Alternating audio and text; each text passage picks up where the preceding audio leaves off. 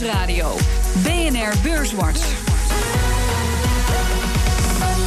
René de Monchy. Ja, ik ben nog René de Monchy, maar ik doe het niet alleen. Ik doe het vandaag ook met Loege Schilder. Hij is van Caris, vermogensbeheer uit Volendam. En Lucas Daalder, die kent u als Chief Investment Officer bij Robeco. Laten we maar meteen beginnen. Ondanks dat het een verkorte handelsweek is natuurlijk... want eh, de laatste dag van de week werd er niet gehandeld. Toch genoeg te bespreken. Um, veel overname nieuws. Dan kijk ik allereerst even naar Loege. Uh, Axo, het blijft maar dooremmeren. Nu gaan toch activistische aandeelhouders zeggen van... ja, wij willen eigenlijk wel dat Axo Nobel om de tafel gaat zitten. Volgens mij is deze geest niet meer in de fles te krijgen. Dat denk ik ook niet. Dus uiteindelijk, hè, de, de aandeelhouders stellen zich op het standpunt... Uh, het bedrijf is van de aandeelhouders, dus u moet met ons praten.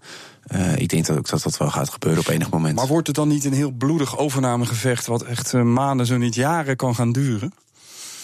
Ja, dat, dat zullen we zien. Hè. Dat, dat, Elliot staat er wel om bekend dat zij, dat zij het hard aanpakken. dus ja...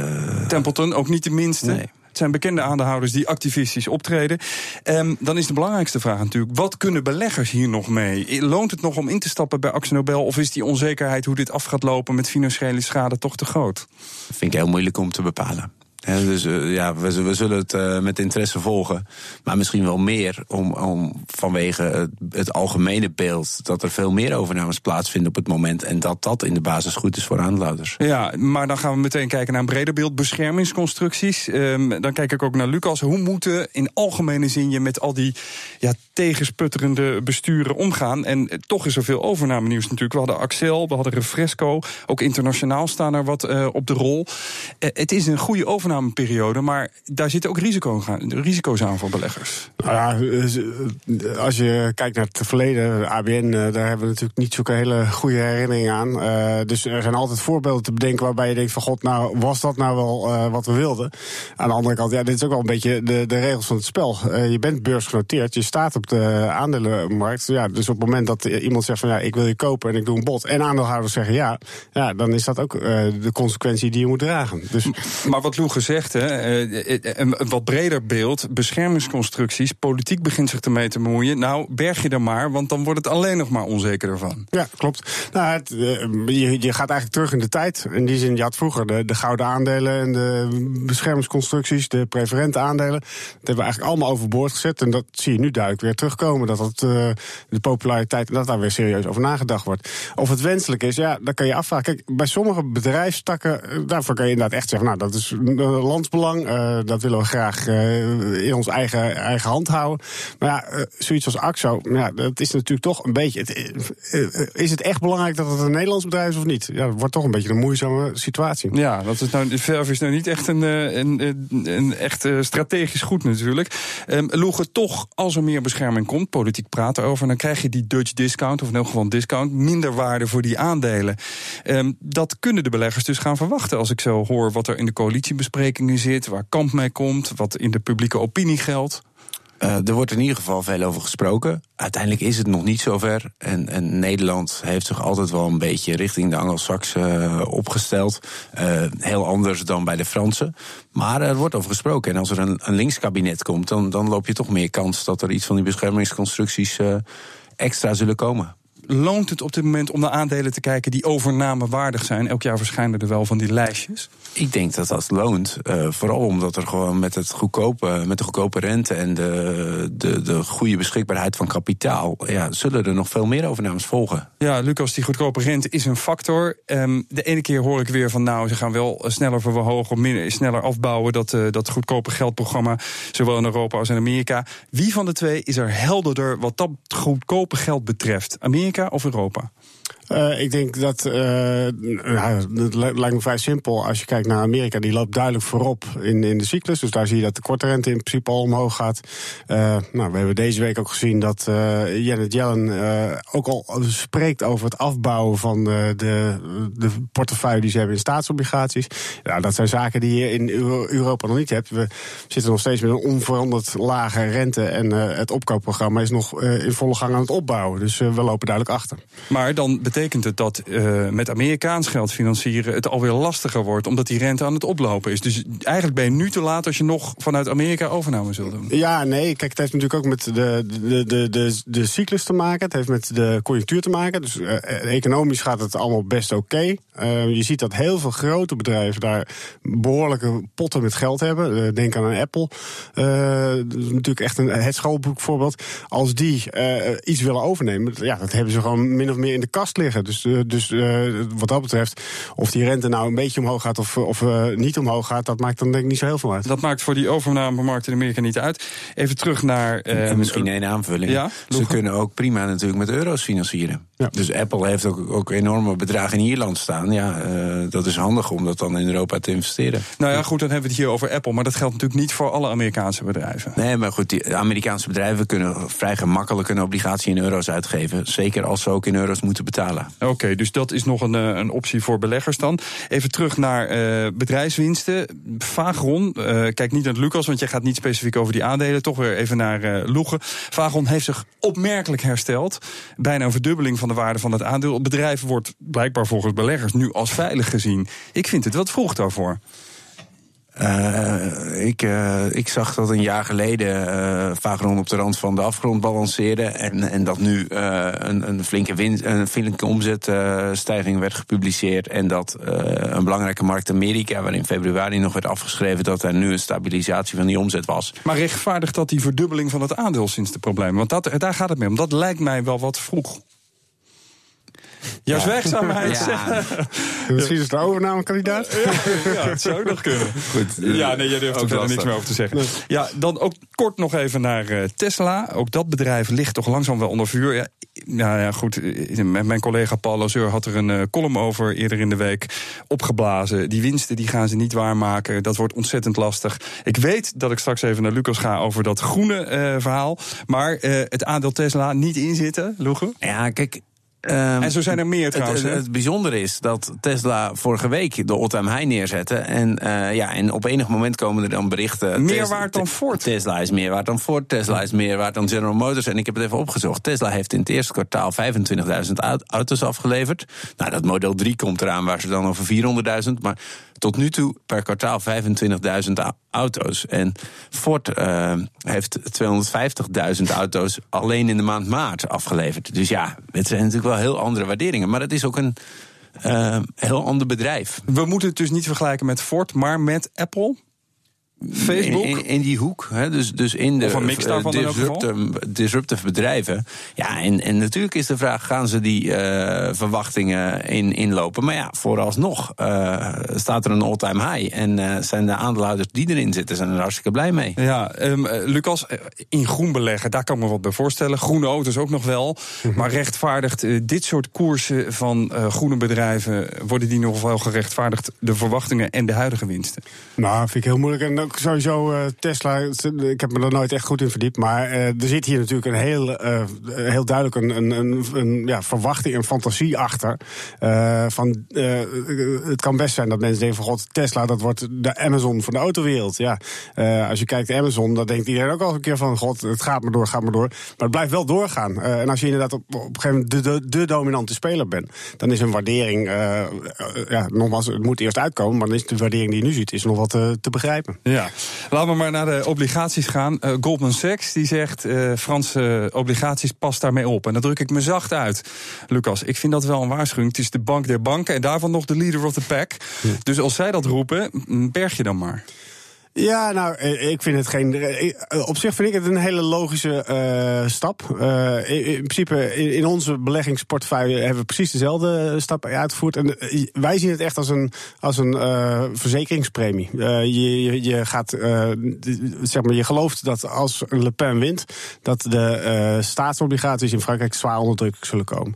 En nou goed, dat is eigenlijk, als, je, als het niet gebeurt, nou, dan verlies je niet zo heel veel. Als het wel gebeurt, dan win je heel veel. Okay. Dat is een beetje de trade of die erachter zit. Eh, Dat betekent eigenlijk best wel een eh, win-win. Want je kan eigenlijk niet heel veel verliezen. Nou, je kan wel wat verliezen. Dus het is, niet, eh, het is nooit gratis geld. Maar ik denk dat je dat. En dat is ook duidelijk. Wat, wat, als je dit vergelijkt met de, de verkiezingen van Trump en van Brexit. in de tijd was iedereen een soort van. Nou, het komt wel goed. En was niemand echt op zoek naar een soort van. ja, in dit geval een verzekeringspremie. En wat je dus nu heel sterk ziet. Juist vanaf het eerste moment dat die Franse verkiezingen steeds meer onder de aandacht kwam. zag je die spreads al oplopen. Dus het renteverschil tussen Frankrijk en, en Duitsland. Ja. Toch een zorg, eh Loege, als je dat bekijkt. eh, die eh, obligaties, die Franse obligaties. Nou ja. Want hoe staan jullie daarin?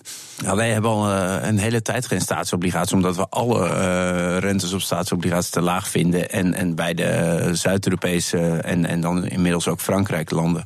ehm, ja, eh, is, is hij wel iets hoger, maar dat vergoedt niet het risico. Maar dit is een signaal, wordt, wordt afgegeven. Pas op, eh, Lucas heeft gelijk. Het is een beetje eh, eigenlijk indekken. Maar het ja, feit maar dat... dat moet zegt wel wat over die euro en over Frankrijk. daarin. Nou, ik denk, ik denk dat ze het meer zien als een trade. Hè. Dus de rente op Franse staatsobligaties is hartstikke laag. ondanks dat er een verkiezingsmoment voor de deur staat. Nou, als het, het een, een, een, een pro-Europese uitslag wordt. Ja, dan kan die rente misschien nog wel iets zakken, maar ook weer niet heel veel. Want het is 0,9% op 10 jaar. Eh, als, die, als, er, als Europa wel valt, ja, dan zal het daar het hardst gaan. Ja. Dus het is, het is een soort out-of-the-money-put optie. Ja, overigens is het niet alleen Frankrijk. Hè. Je kan ditzelfde zie je eigenlijk ook wel terug in Italië. En ik denk, Portugal. als je het hebt over eh, de landen waar de echte risico's liggen. Kijk, die verkiezingen, dan weten we de uitslag niet. We, stel, eh, Le Pen wint het, dan heb je nog de parlementsverkiezingen. Dus je weet nog steeds niet wat de echte directe consequenties zullen zijn. Dat die spread zal oplopen, dus dat renteverschil zal oplopen, geloof ik dan wel. Maar de echte structurele problemen, die liggen bijvoorbeeld veel meer bij Italië. En wat dat betreft kan je hetzelfde spel doen, niet alleen voor Frankrijk, maar ook voor Italië. Betekent dat dat er geld gaat stromen naar andere categorieën en zo? Ja, welkom. Want die aandelen die, of die obligaties worden verkocht, wellicht ook in de toekomst van Italië. Ja, dat geld komt wel vrij. Dat moet ergens een weg vinden naar rendement. Ja, nou, dat, eh, en volgens mij is dat ook een beetje. eh, zoals wij hem in elk geval eh, in, implementeren, is dat wij, wij verkopen de Franse staatsobligatie en kopen de Duitse staatsobligatie. Op het moment dat er inderdaad een overwinningszege is van Le Pen, dan weet je zeker, dan gaat iedereen voor, voor veiligheid. En veiligheid als Duitsland. Ja, oké. Dat is een, eh, een goede trade-off. Tot slot nog even kort de situatie rond Noord-Korea. Het loopt op. Daar heb je Taiwan in de buurt. Heb je Japan in de buurt. Je hebt eigenlijk ook China als betrokkenen. Zuid-Korea, allemaal grootmachten op economisch gebied, zeker in Azië. Moeten we ons zorgen maken over onze beleggingen in Azië? Eh, je kijkt naar mij. Ja, nou degene die het antwoorden. Ja, jullie zitten altijd bij glazen, glazig te kijken. Laat ik het anders zeggen. Internationale politiek, Trump, wordt Ja. dus belangrijk voor de beleggers die in Azië zitten. Ja, nou, eh, als je puur historisch kijkt, is het eh, opzetten van, eh althans inspelen op dit soort politieke spanningen, verlies je 99 van de 100 keer. In die zin, het is altijd spannend en iedereen denkt, ah, de wereld vergaat. Maar eh at the end of the day eh, zijn we er nog steeds met z'n allen en, en lijkt het niet te lopen. Dus je moet inderdaad heel stellig zijn van, god, dit gaat echt fout. Dan, dan kan je ervoor zeggen van, oké, hier, hier moet ik wat mee. Maar voor ons is dat heel erg moeilijk. Laatste woord het over Noord-Korea-crisis. Nou ja, ik, ik wil hem ook, ook deze iets breder trekken. Hè. Dus, dus eh, er gaan eh vliegtuigschepen naar Noord-Korea. Er worden raketaanvallen uitgevoerd op Syrië. En de beurs blijft liggen. De markt trekt zich er vooralsnog niks van aan. En, en eh, Trump was in China en het ging daar over de handel. En niet over Noord-Korea. Dus minder zorgen maken. Tot nu toe wel. Ah, Oké. Ja, na de reclame gaan we verder kijken. Er staat niet heel veel op de agenda. Een beetje een windstilte wat betreft bedrijfsnieuws. Maar wel een hoop uh, aandeelhoudersvergaderingen. Komt daar nog nieuws uit voor het beleggers? Na de reclame. Ja. BNR Nieuwsradio. BNR Beurswatch. Mijn naam is René de Monchy en ik zit hier met Loege Schilder en ook Lucas Daalder. En we hebben het over de beurzen en over beleggen en over de aandelen. En we kijken ook vooruit. Maar eerst even een terugblik. Kijk eerst even naar de AX. De afgelopen vier handelsdagen 0,1% lager. Over de midcap, uh, die had een verlies over de afgelopen vier dagen van 0,7%. Ja, dan de stijgers. Stijgers. Gemalto deed goed, plus 18,8% En ook Randstad won, maar een stuk minder, 3,8% En Altis, het Franse kabelbedrijf, 2,5% erbij. En in de midcap was het Refresco, 18,8% op overnamespeculatie. Dalers. Dalers. Alle A's deden het niet goed. ABN AMRO, min 2,6. Egon, min 2,7. En Arcelor, min 0,8% lager. En in de midcap was het Fugo dat verloor. Um, ja, de financiële waarden die vallen op. Uh, Lucas, dat heeft natuurlijk weer met die rente te maken, denk ik. Uh, ja, uh, dat zal zeker een rol spelen. Uh, ja, er is van alles gebeurd natuurlijk de afgelopen weken op het gebied van de rentes. Ehm, ik denk over het algemeen dat mensen zich wat meer zorgen beginnen te maken over het ECB-beleid. In die zin, tot nu toe was het alsmaar gewoon vol op het gaspedaal. En daar zie je nu langzaam maar zeker iets van een kentering. Wat me dan wel weer opvalt, is als je kijkt naar de obligatiemarkt. Die hebben de afgelopen, nou laten we zeggen, twee, drie weken alleen maar weer koerswinsten laat zien. Dus de kapitaalmarkt is weer naar beneden gekomen. Uh, en eigenlijk vind ik dat wel verbazingwekkend. In die zin ook als je kijkt naar uh, die notulen die dan van de Fed zijn uitgekomen. Waar ook wel degelijk wordt gesproken over het terugbrengen van die obligatieportefeuille. Kortom, er komt meer obligaties naar de markt.